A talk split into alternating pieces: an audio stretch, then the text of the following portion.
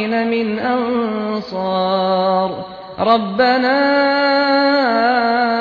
إننا سمعنا مناديا ينادي سمعنا مناديا ينادي للإيمان أن آمنوا بربكم فآمنا ربنا فاغفر لنا ذنوبنا وكفر عنا سيئاتنا وتوفنا مع الأبرار ربنا وآتنا ما وعدتنا على رسلك ولا تخزنا يوم القيامة إنك لا تخلف الميعاد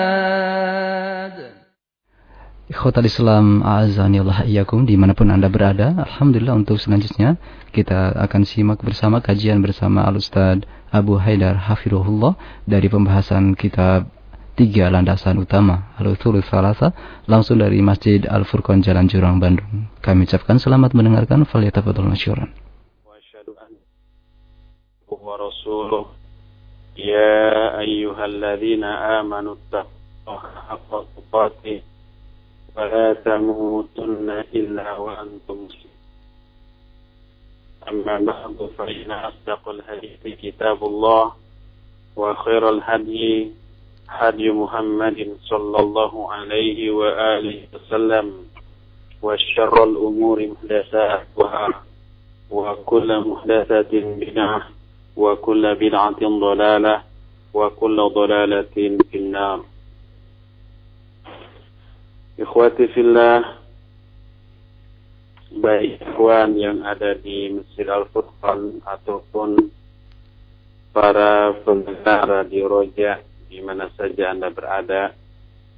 Alhamdulillah kita berjumpa kembali sekalipun agak terlambat sedikit untuk melanjutkan kajian kitab Al-Usul As-Salasah. Jumat yang lalu kita sudah menjelaskan beberapa bentuk ibadah yang hanya boleh ditujukan kepada Allah Subhanahu wa taala. Bentuk ibadah yang sudah kita terangkan pertama adalah doa. Yang kedua adalah khauf atau rasa takut. Dua poin tadi sudah kita jelaskan beserta rincian dan dalil-dalil. Ketiga, jenis ibadah yang juga hanya boleh ditujukan kepada Allah adalah roja. Roja di sini bukan nama radio. Roja maknanya adalah harapan. Berharap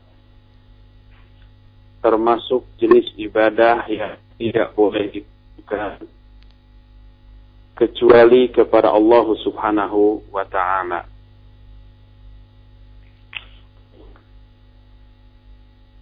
Allah berfirman di dalam Al-Qur'an surah Al-Kahfi ayat 110. "Faman kana yarju liqa'a rabbih falyamal 'amalan yushrik bi ibadati rabbih ahada. Maka siapa orang yang mengharapkan pertemuan dengan Allah hendaklah dia melakukan amal soleh dan tidak menyekutukan Allah dalam beribadah kepadanya dengan sesuatu pun. Ini ayat menjadi dalil bahwa roja atau berharap hanya boleh ditujukan kepada Allah Subhanahu wa taala. Kenapa demikian? Karena roja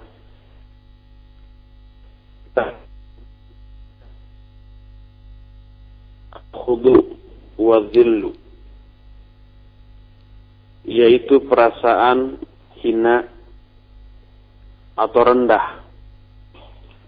Menghinakan diri, merendahkan diri di hadapan pihak yang harapan kita ditujukan kepada pihak itu. Oleh karena ini, oleh karena itu hal ini tidak boleh ditujukan kepada Allah.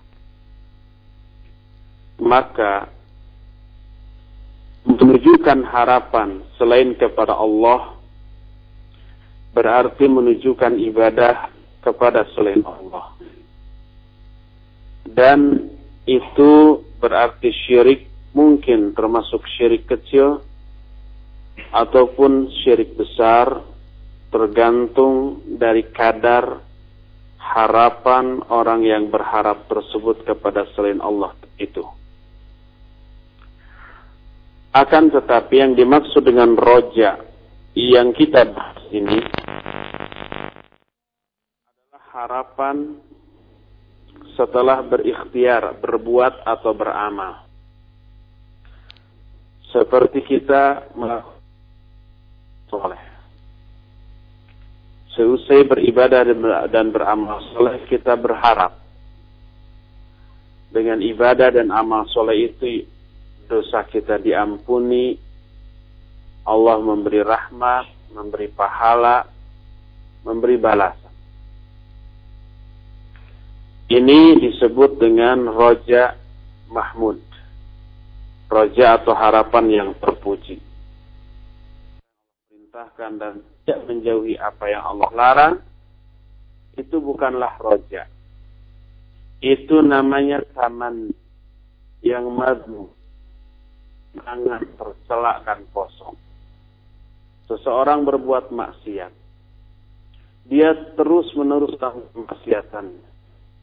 Tapi dia berharap dosanya akan diampuni oleh Allah tanpa taubat. Tanpa berbuat kebaikan. Itu bukan roja. Tapi itu adalah angan-angan. Yang kosong. Yang tidak akan tercapai. Jadi rojak yang dimaksud di sini adalah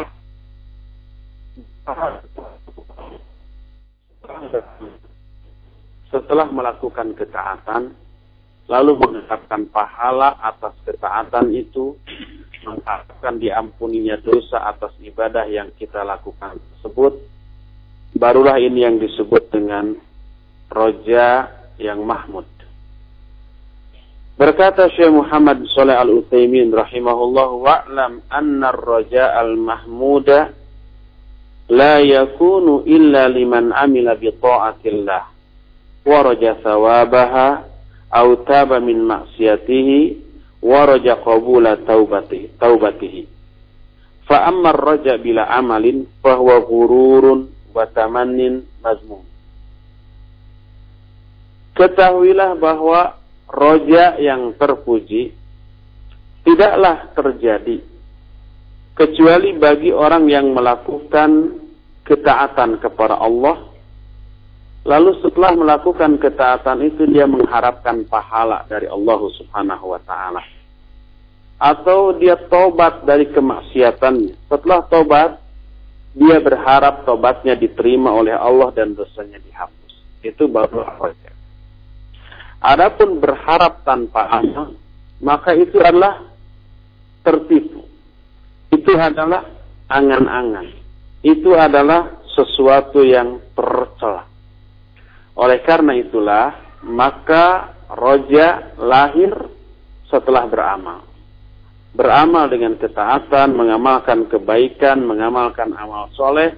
Setelah itu barulah dia berharap ada orang yang menyangga. Kenapa sih kita ibadah itu harus dengan mengharapkan pahala? Kenapa kita ibadah itu harus disertai dengan niat karena takut terhadap murka dan azab Allah? Kenapa kita tidak ibadah itu murni sebagai ungkapan rasa syukur kita kepada Allah tanpa berharap balasan, tanpa uh, merasa takut kepada azab Allah bila tidak ibadah. Bukankah Allah telah memberikan berbagai macam kenikmatan kepada kita? Nikmat lahir batin, rohani jasmani. Yang saking banyaknya nikmat itu tidak bisa dihitung oleh kita. Wa in ta'untu ni'matallahi la tuhsuha. Kalau kalian mencoba-coba menghitung-hitung nikmat Allah, kalian tidak akan bisa untuk menghitungnya saking saking saking banyaknya. Karena itu, maka sepantasnya lah kita ibadah itu sebagai ungkapan rasa syukur kita kepada Allah Subhanahu wa taala tanpa harus mengharapkan pahala apa pun, tanpa harus merasa takut terhadap dosa, dosa terhadap murka dan azab Allah bila kita tidak ibadah. Benarkah pernyataan itu? Kita jawab ada benarnya tetapi lebih banyak keliru. Bahwa di dalam ibadah kita harus didasari oleh rasa syukur kepada Allah, iya. Bahwa ibadah-ibadah kita itu sebagai ungkapan rasa syukur kita kepada Allah subhanahu wa ta'ala.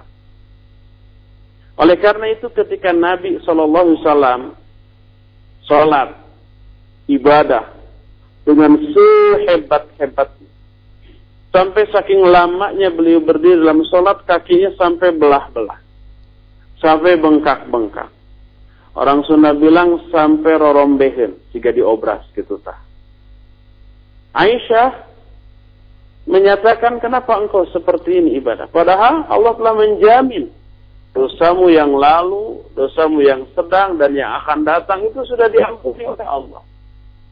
Allah berfirman dalam Al-Quran, لِيَغْفِرَ لَكَ اللَّهُ مَا تَقَدَّمَ مِنْ ذَنْبِكَ وَمَا تَأَخَّرَ Dosa-dosamu, baik yang lalu maupun yang akan datang.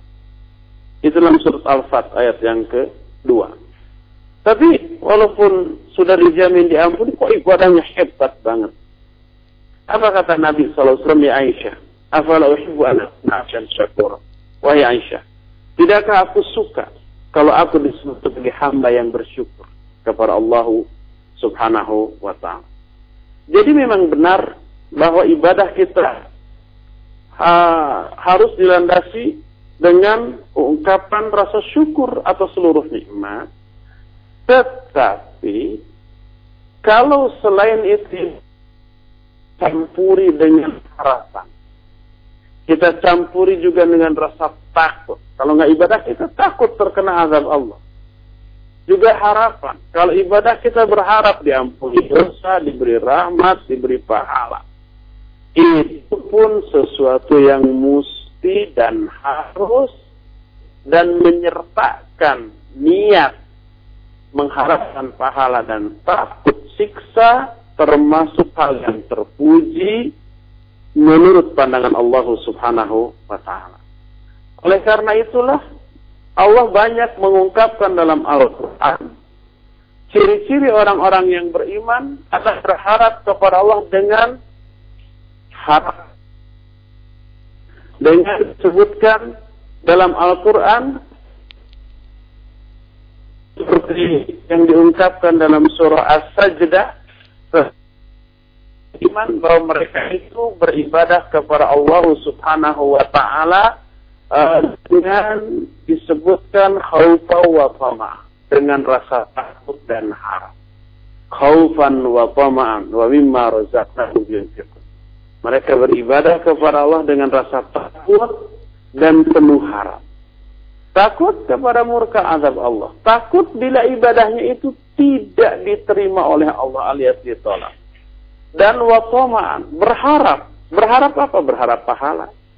Berharap ampunan, berharap balasan. Dan itu Allah kepada orang yang ibadahnya mengandung unsur khauf dan roja. Takut dan. Bahkan Allah menyatakan fa'amman. Makhafa. Maqama rabbih. Wa nafsa anil hawa. Fa inna jannata iyal ma'wa. Adapun orang yang takut kepada Allah, lalu dia menahan diri dari hawa nafsunya, maka surga tempat kembali orang itu. Allah menjamin orang itu masuk surga karena dia menahan hawa nafsu dengan niat karena takut kepada Allah. Motivasi dia menahan hawa nafsu itu karena takut kepada Allah. Maka adalah bagian. Ini menunjukkan bahwa ibadah yang dilakukan dengan motivasi karena takut terhadap Allah Allah adalah ibadah yang makbul, yang dipuji oleh Allah dijamin surga. Demikian juga ibadah yang dilakukan karena landasan roja, karena adanya niat berharap, harapan terhadap pahala Allah, harapan terhadap maghfirah atau ampunan Allah, harapan terhadap rahmat Allah, maka itu semuanya sesuatu yang memang dipuji oleh Allah Subhanahu wa taala. Kalau Allah memujinya berarti niat ibadah dengan niat ingin pahala, mengharapkan ampunan, mengharapkan rahmat dan takut terhadap azab dan nerakanya, ini adalah ibadah yang tidak bertentangan dengan ikhlas. Sebab ada orang yang kebablasan, oh kalau umpamanya kita beribadah dengan mengharap pahala, mah tuh gak ikhlas dong. Sebab ikhlas itu ibadah kepada Allah hanya karena Allah, bukan karena pahalanya, bukan karena takut terhadap murkanya. Itu sih ibadahnya para pedagang. Sampai dikatakan begitu. Itulah memang konsep sufi. Dan konsep itu bertubuhkan dengan Al-Quranul Karim. Al-Quran menyatakan orang mukmin beribadah kepada khaufan wa tama'ah. Dengan penuh rasa takut dan harap. Itu Al-Quran.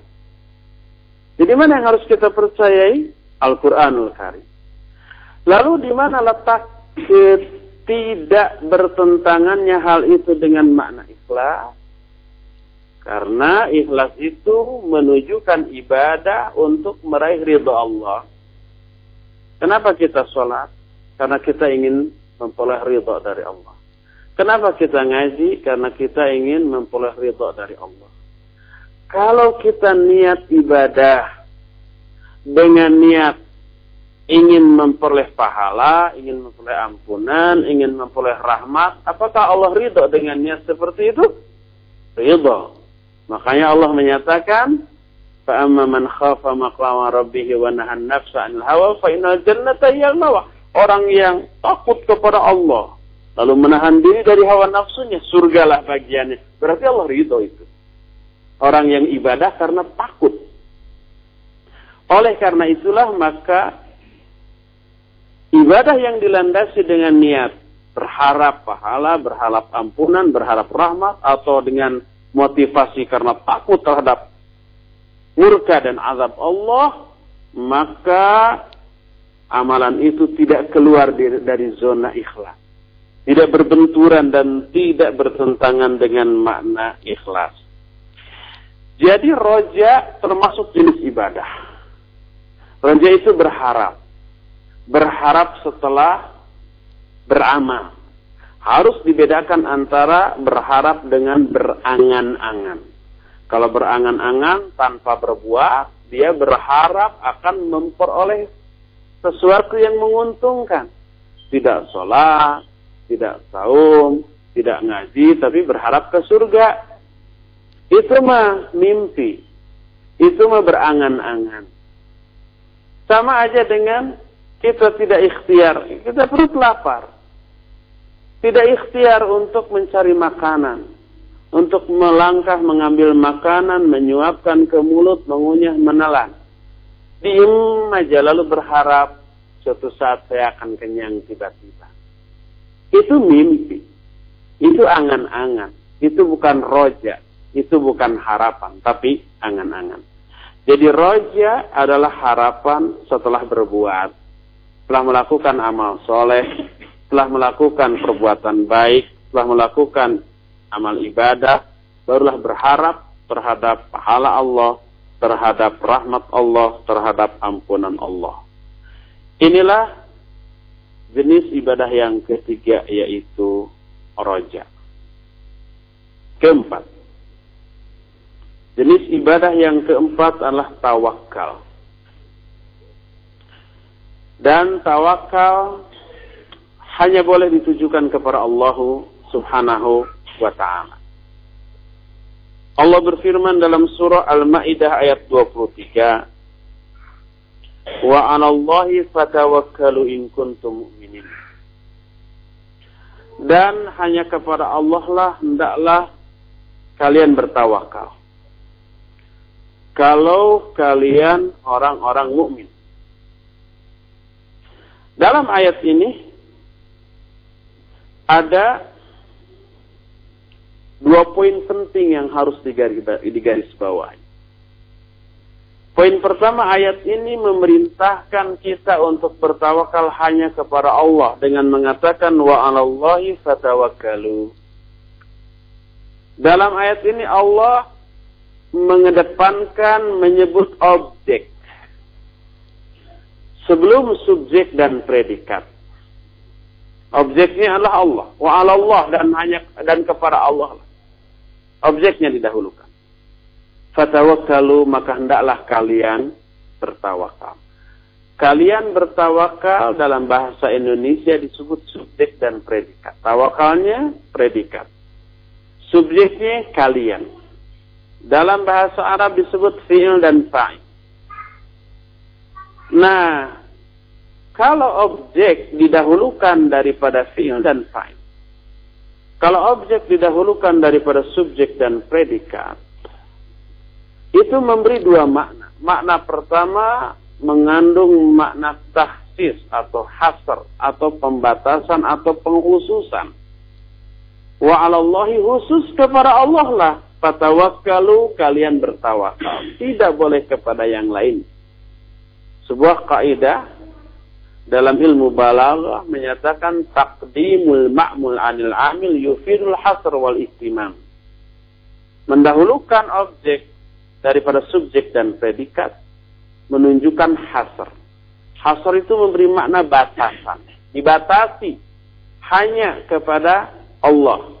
Seperti iya karena na'budu wa karena nasta'in. Hanya kepada engkau kami beribadah. Hanya itu diambil dari struktur kalimat, dari susunan kalimat. Objek didahulukan daripada subjek dan predikat. Mengandung makna penghususan. Hanya kepada Allah lah kalian bertawakal. Ini poin pertama. Poin kedua, di ujung ayat ini, in kuntum kalau kalian orang-orang beriman. Menunjukkan keterkaitan yang kuat antara tawakal dengan iman. Beriman, tawakal. Kalau nggak tawakal berarti tidak tidak iman.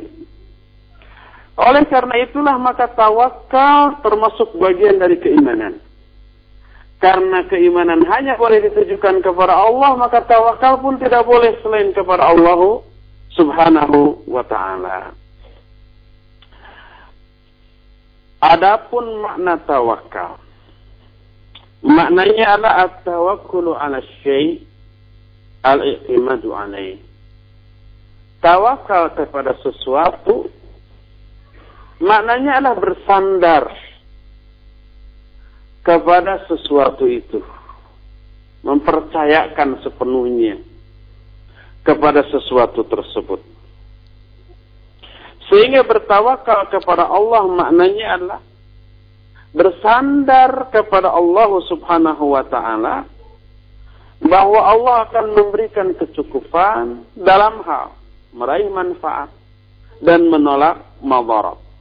Dan ini termasuk tanda sekaligus kesempurnaan iman. Makanya Allah menyatakan wa 'alallahi fatawakkalu in kuntum mu'minin. Hanya kepada Allah hendaklah kalian bertawakal kalau kalian betul-betul orang-orang yang beriman. Berdasarkan hal itu maka in idza sadaqal abdu fi i'timadihi 'ala Allah taala kafahu Allahu ma ahamma apabila seorang hamba benar dalam hal tawakalnya kepada Allah. Dia hanya bersandar kepada Allah Subhanahu wa taala semata-mata. Allah akan memberikan jaminan kepada orang. Allah akan memberikan kecukupan kepada orang itu apa yang dia inginkan dengan bertawakalnya tersebut. Makanya dalam surah At-Talaq ayat 3 Allah menyatakan wa may yatawakkal 'ala Allah fahuwa hasbuh. Siapa orang yang bertawakal kepada Allah, maka Allah lah yang akan menjaminnya.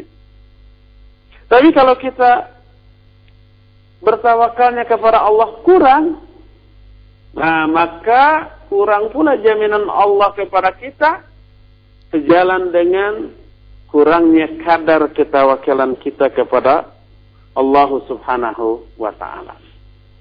Oleh karena itulah maka jangan terlalu takabur. Jangankan terlalu kalau takabur, sedikit aja jangan. Jangan takabur dengan kemampuan diri.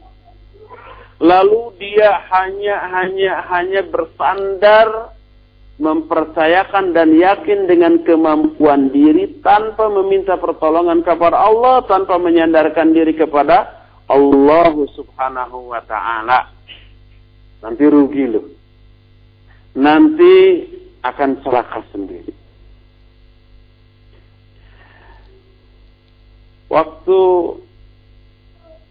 Desember yang lalu, ketika saya dapat undangan ke Amsterdam, karena sudah lama nggak bepergian ke Eropa, mental di per, apa yang dipersiapkan untuk perjalanan jauh seperti itu sudah agak menyusut lagi mulailah ada rasa tegang. Dikit tapi. Khawatir ada ini, khawatir ada itu. Makanya berdoanya kepada Allah kencang. Tawakalnya kepada Allah kuat. Nah, biarlah ini saya mau dakwah ke sana. Dan ini melaksanakan perintah Allah. Amar ma'ruf nahi munkar mengamalkan amalan terbaik menurut Al-Quran. Maka bertawakallah kepada Allah dengan tawakal yang penuh. Alhamdulillah di jalan nggak ada apa-apa. Nggak ada hambatan. Nggak ada pemeriksaan yang ekstra dan seterusnya dan seterusnya. Karena udah bersandar penuh kepada Allah. Setiap ada waktu ingat kepada Allah selalu berdoa, ya Allah lancarkan. Ya Allah mudahkan Ya Allah hindarkan dan jauhkan dari masalah. Begitu, begitu, begitu terus. Sampai pulang, Alhamdulillah lancar. Ketika bulan April kemarin diundang lagi. Sudah ada pengalaman kan? Mental juga sudah lebih kuat sih kan nih, kata orang Sunda. Baru saja tiga bulan yang lu pulang, sekarang pergi. Ah, lah mudah. Dari segala segi siap. Seluruh dokumentasi perjalanan lengkap tiket pulang per pergi ada, asuransi juga full, kemudian uh, semuanya siap. Pengalaman kemarin sudah ada kebayang. Semuanya. Siap, sudah tenang, berkurang. Iktimatnya kepada Allah sudah ada kesenangan. Apa yang terjadi? Yang terjadi ternyata banyak hambatan mulai dari pengurusan visa. Pas visa yang biasanya dua pekan selesai, pas pada saat selesai saya ke sana, ternyata mohon maaf, Bapak belum selesai. Loh, kenapa Bu belum selesai? Saya lima hari lagi berangkat. Ya coba minggu depan lagi datang. Loh, minggu depan sudah hangus tiketnya. Coba telepon. Tadi saya sudah telepon, tapi tidak ada yang angkat, saya bilang. Ya pokoknya coba besok ke sini lagi. Loh kalau besok belum ada kepastian ke sini lagi, saya jauh dari Bandung. Jadi gimana? Bapak punya apa? punya selesai. Ini li lihat puluhan yang ngantri. Silakan Bapak nanti menunggu lagi. Aduh, pulang. Sehari sebelum kepergian datang lagi ke sana. Belum selesai juga. Coba minggu depan datang lagi. Loh, saya bilang ini dekat dua, dua hari lagi.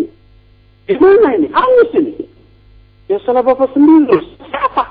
Semua dokumentasi, semua persyaratan sudah saya apakan. Ya ini kan banyak Pak. Ya yang lain Pak sudah dua minggu, saya belum. Pokoknya dipersulit. Sampai akhirnya saya terus. Pokoknya saya nggak akan pulang sebelum ada kepastian di mana letak kesalahan saya sehingga diperlambat.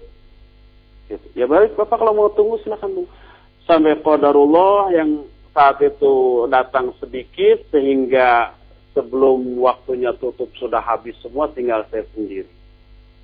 Saya nuntut ini semua orang sudah habis gimana? Oke Bapak tunggu ya. Akhirnya nunggu. Setelah itu Bapak bisa besok nggak datang atau pas Bapak mau pergi ke sini dulu. Saya bilang nggak bisa ribet. Nanti pas mau pergi ke sini nggak nggak selesai juga gimana? Akhirnya ditunggu-tunggu gini. Siapa yang berwenang mengeluarkan visa? Apa masalahnya? Siapa yang berwenang? Ada salah satu yang di sini. Saya mau bertemu. Saya ingin tahu masalahnya gimana. Oh ini Pak bukan orang Indonesia, nggak bisa bahasa Indonesia. Gak apa-apa, bisa bahasa apa. Akhirnya ya, pertolongan Allah datang kemudian selesai. Dua hari menjelang keberangkatan. Eh sehari menjelang keberangkatan. Alhamdulillah pulang dan perasaan lega. Kemudian berangkat. Pas berangkat, yang saya ceritakan waktu beberapa hari yang lalu. Ternyata menemui banyak hambatan sampai tiga intensif. Barulah saya ingat, oh tahukah saya mengeluh waktu itu. Kepada Allah berkurang hanya karena terlalu pede, terlalu percaya diri, dengan semua persiapan yang sudah amat sangat matang, tetapi ternyata di sana masalah banyak bermunculan di perjalanan.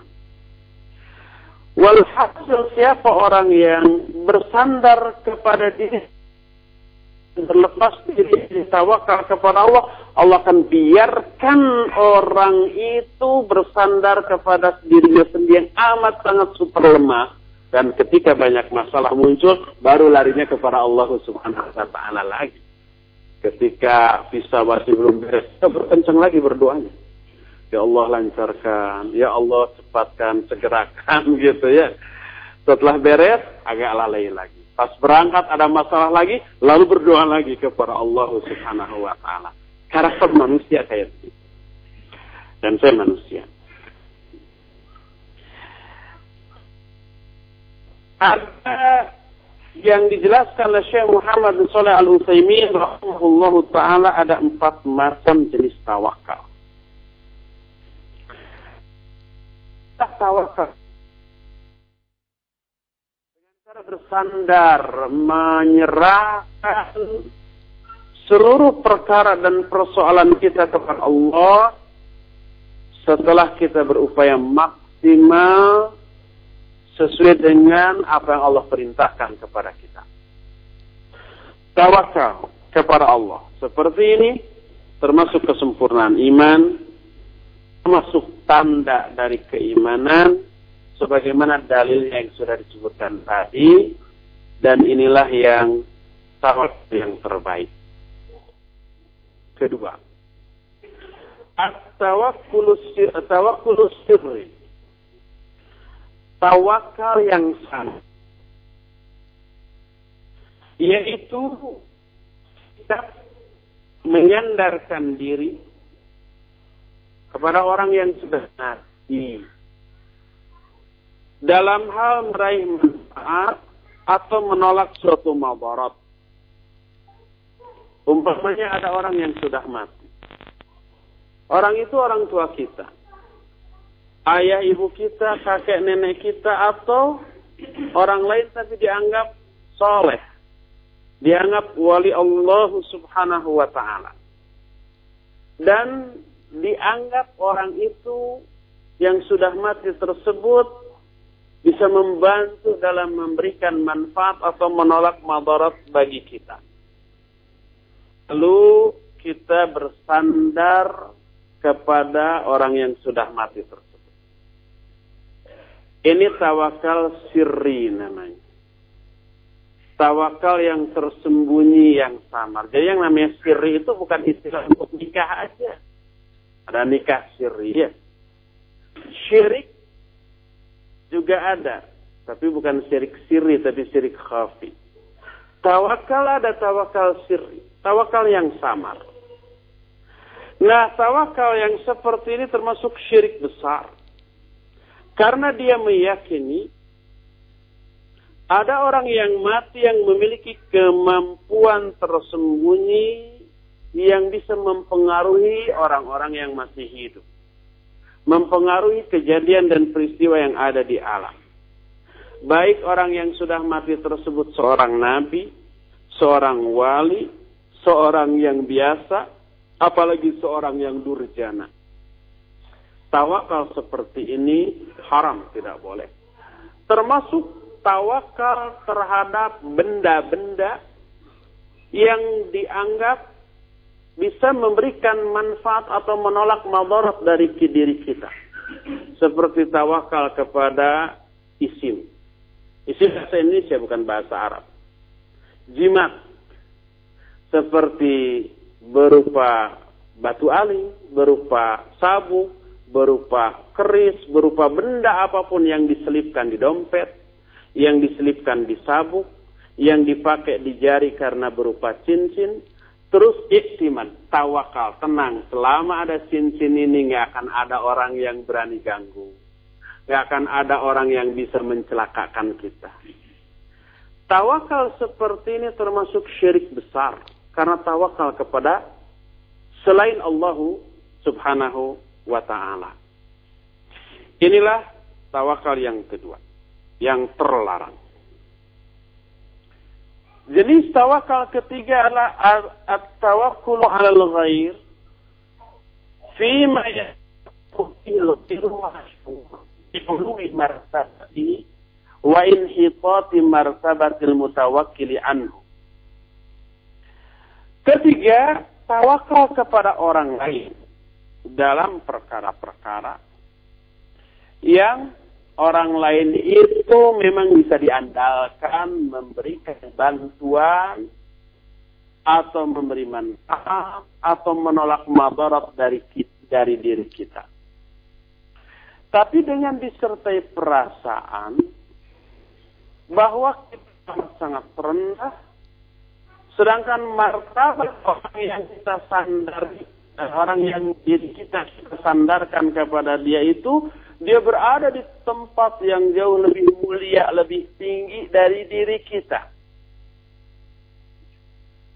Ini termasuk tawakal yang termasuk syirik kecil. Apalagi sampai berani melakukan perbuatan-perbuatan yang terlarang melakukan apa yang diperintahkan oleh orang yang kita tawakuli tadi. Umpamanya seorang bawahan. Dia bersandar bertawakal kepada atasnya. Dalam hal apa? Dalam hal karier dia.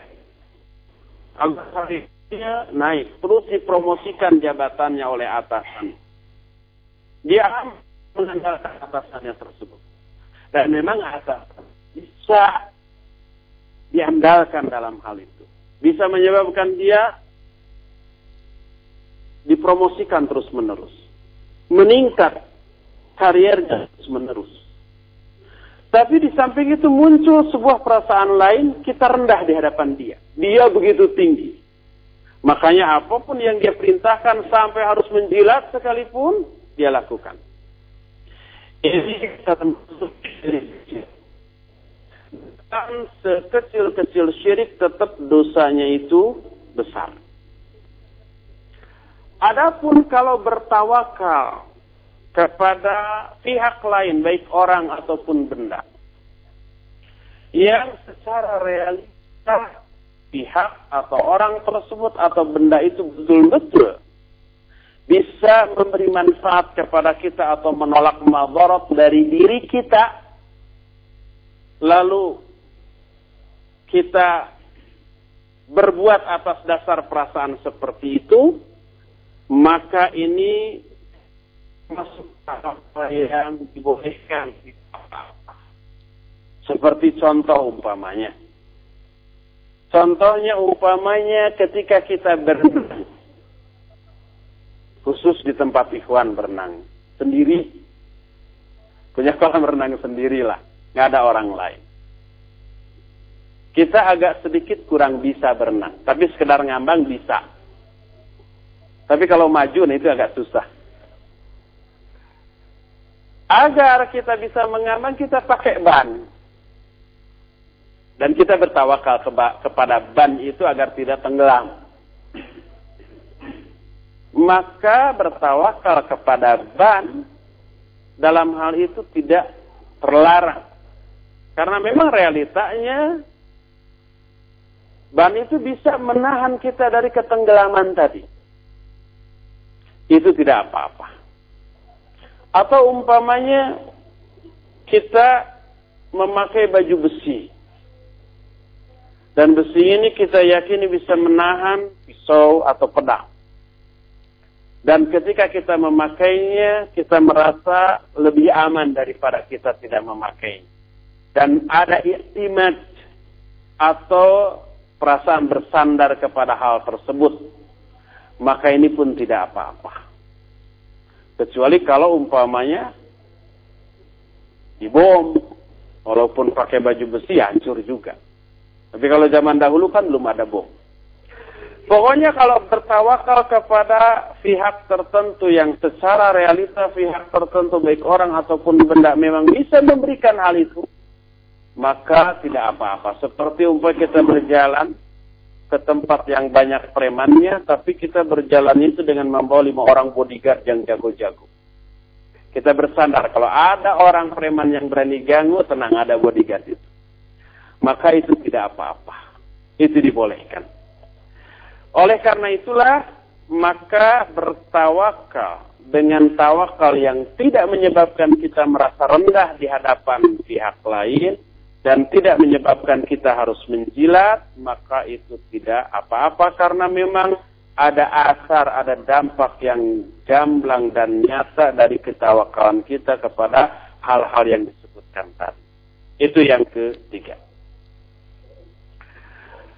Keempat, tawakal kepada orang lain. Dalam melaksanakan sesuatu yang mampu dilakukan oleh orang lain tersebut.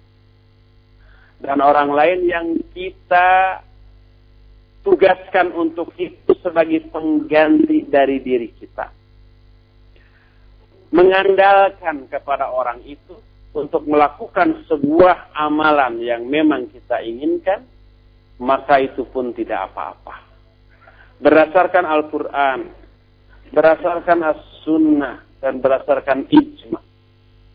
Nabi Shallallahu Alaihi Wasallam sering mewakilkan satu pekerjaan kepada sahabat lain dalam hal pelaksanaan hukuman, dalam hal pelaksanaan umpamanya penyembelihan hewan kurban, dalam hal-hal tertentu Nabi SAW sering mengandalkan pelaksanaan perbuatan-perbuatan itu kepada orang lain. Ini pun termasuk tawakal dengan makna menyandarkan kepada orang lain, mengandalkan kepada orang lain untuk melaksanakan suatu perbuatan selama tidak mengandung unsur-unsur pengkultusan kepada orang yang ditugaskan, maka itu dibolehkan.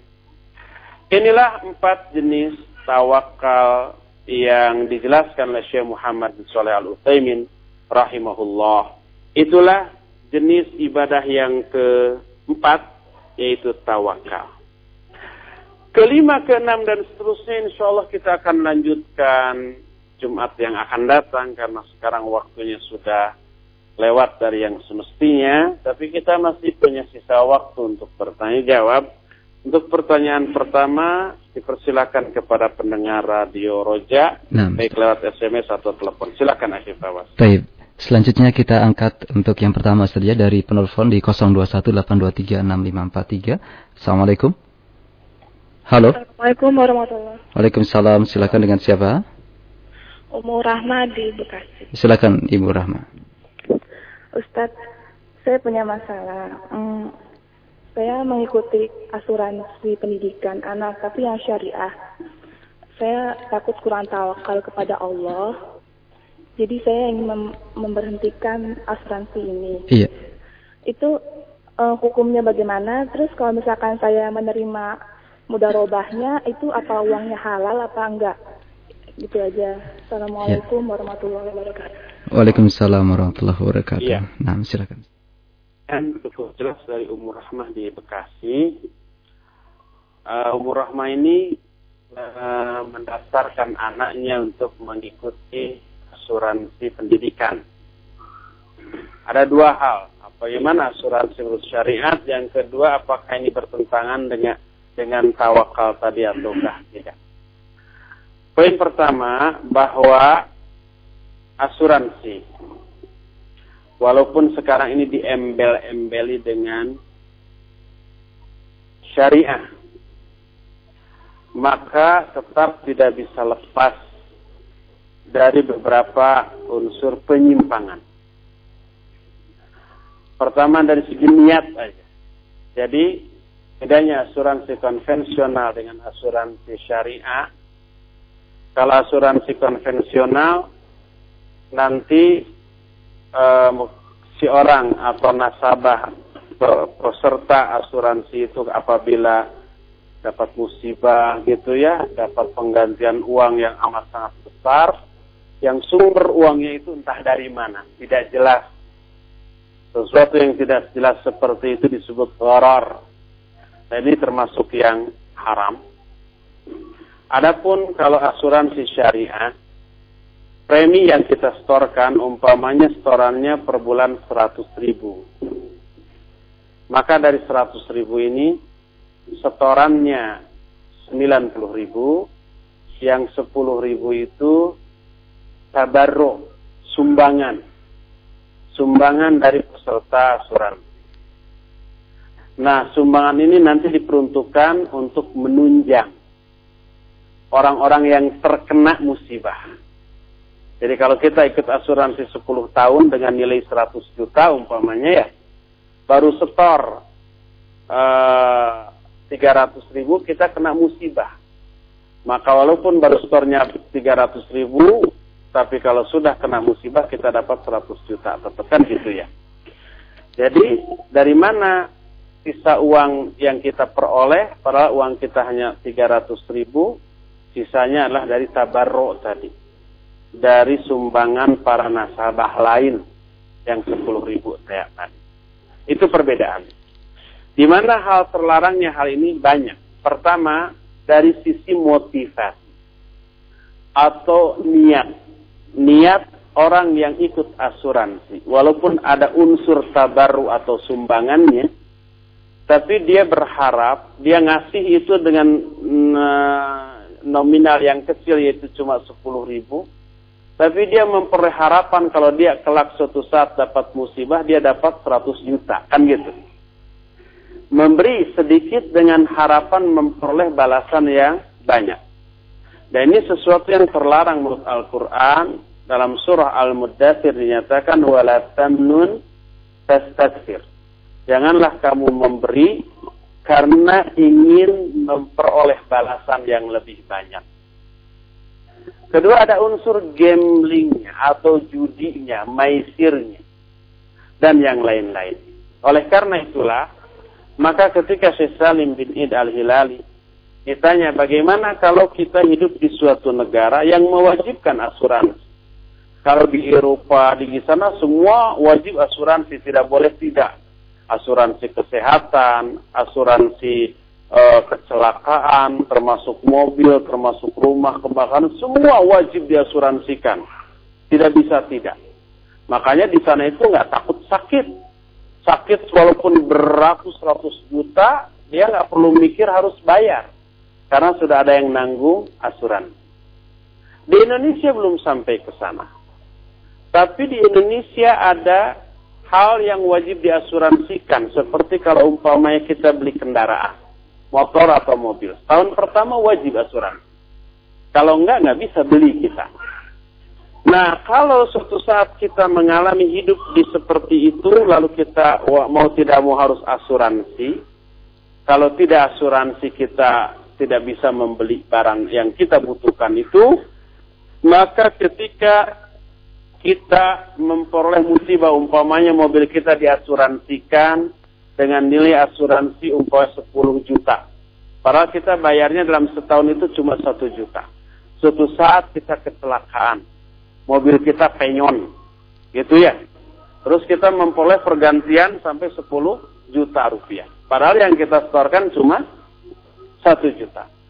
Kata Syekh Salim, ambil yang 1 juta. Itu hak kita. Karena itulah sejumlah yang kita setorkan kepada pihak asuransi. Adapun sisanya yang 9 juta, maka itu bukan hak kita. Itu bukan milik kita dan tidak boleh kita gunakan. Sama aja dengan uang bunga, renten. Maka perlakukan uang itu sesuai dengan bagaimana cara kita memperlakukan bunga bank yaitu tidak boleh dimakan, tidak boleh umpah kita pergunakan untuk kepentingan pribadi, tapi kita gunakan, kita salurkan untuk kepentingan umum yang sifatnya dihinakan. Seperti mengaspal jalan, menembok gang-gang yang becek, membangun jembatan, membangun, membangun MCK umum, dan seterusnya dan seterusnya. Itulah hal pertama dari asuransi. Kedua, bahwa menabung uang, menyimpan uang sebagai simpanan untuk masa depan kita atau anak kita itu sama sekali tidak bertentangan dengan tawakal tadi. Sama sekali tidak. Karena itu ikhtiar. Ikhtiar yang kita lakukan, setelah ikhtiar barulah kita bertawakal kepada Allah Subhanahu wa taala. Sebab boleh jadi walaupun kita menabung, kalau kita tidak tawakal, uang tabungan kita bisa hilang begitu saja.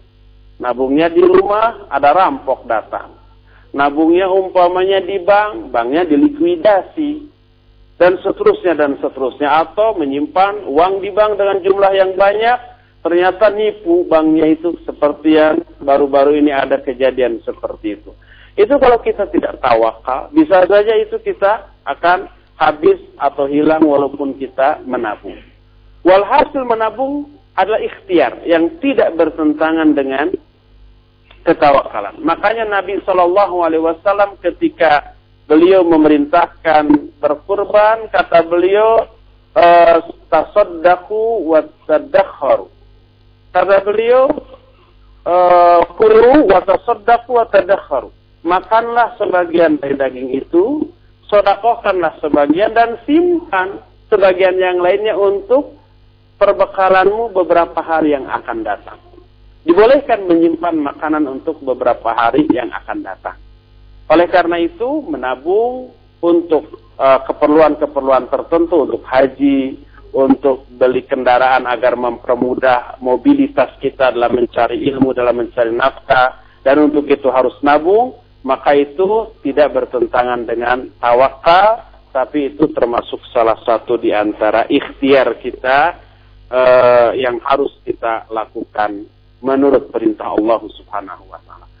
Wallahu a'lam bishawab. Ya, uh, Fawas walaupun ya, pertanyaan masih banyak tapi waktunya nah, sudah betul, Ustaz. mepet. Sekarang ya. sebentar lagi maghrib. Tip. Sampai di sini saja dulu. Uh, insya Allah kita berjumpa kembali Jumat yang akan datang. Subhanakallahumma bihamdik asyhadu an la ilaha illa anta astaghfiruka wa atubu ilaik walhamdulillahi rabbil alamin. Wassalamualaikum warahmatullahi wabarakatuh. Waalaikumsalam warahmatullahi wabarakatuh. Terima kasih Ustaz Jazakallah khairan atas keluangan waktu dan kajian ilmiah dari pembahasan kitab Al-Usul Salasah pada kesempatan sore hari ini.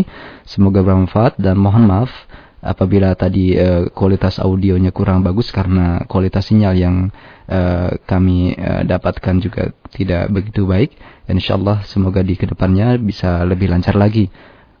Dan kami ucapkan mohon maaf juga untuk Anda yang telah mengirimkan pertanyaan yang uh, begitu banyak kami terima. Mohon maaf yang sebesar-besarnya tidak bisa kami sampaikan pertanyaan Anda karena keterbatasan waktu.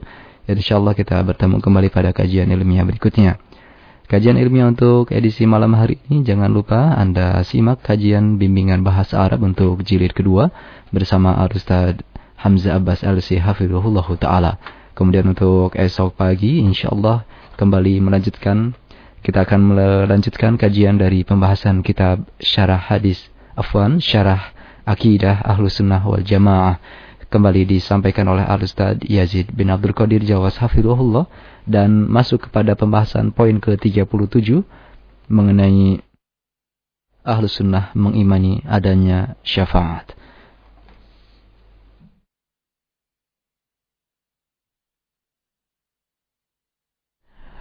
Kemudian ikhwatal Islam bagi kaum muslimin dan muslimat yang berada di daerah Bogor dan sekitarnya diinformasikan bahwa pada hari Ahad 14 Juni 2009 insya Allah diselenggarakan kembali kajian rutin di Masjid Imam Ahmad bin Hambal di KPP IPP 4 Barenang Siang Blok A, Tanah Baru Bogor.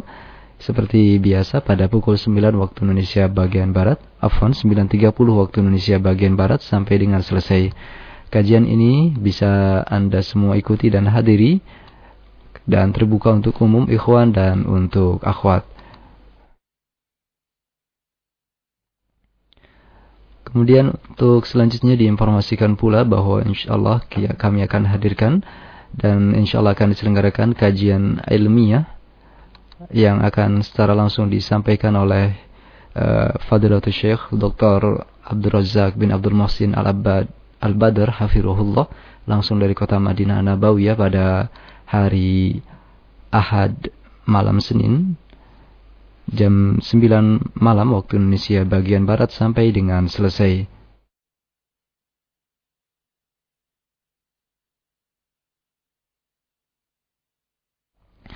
Kajian ini uh, bisa Anda ikuti dan diselenggarakan pula pada hari Senin malam Selasa di waktu yang sama jam 9 waktu Indonesia bagian Barat sampai dengan selesai.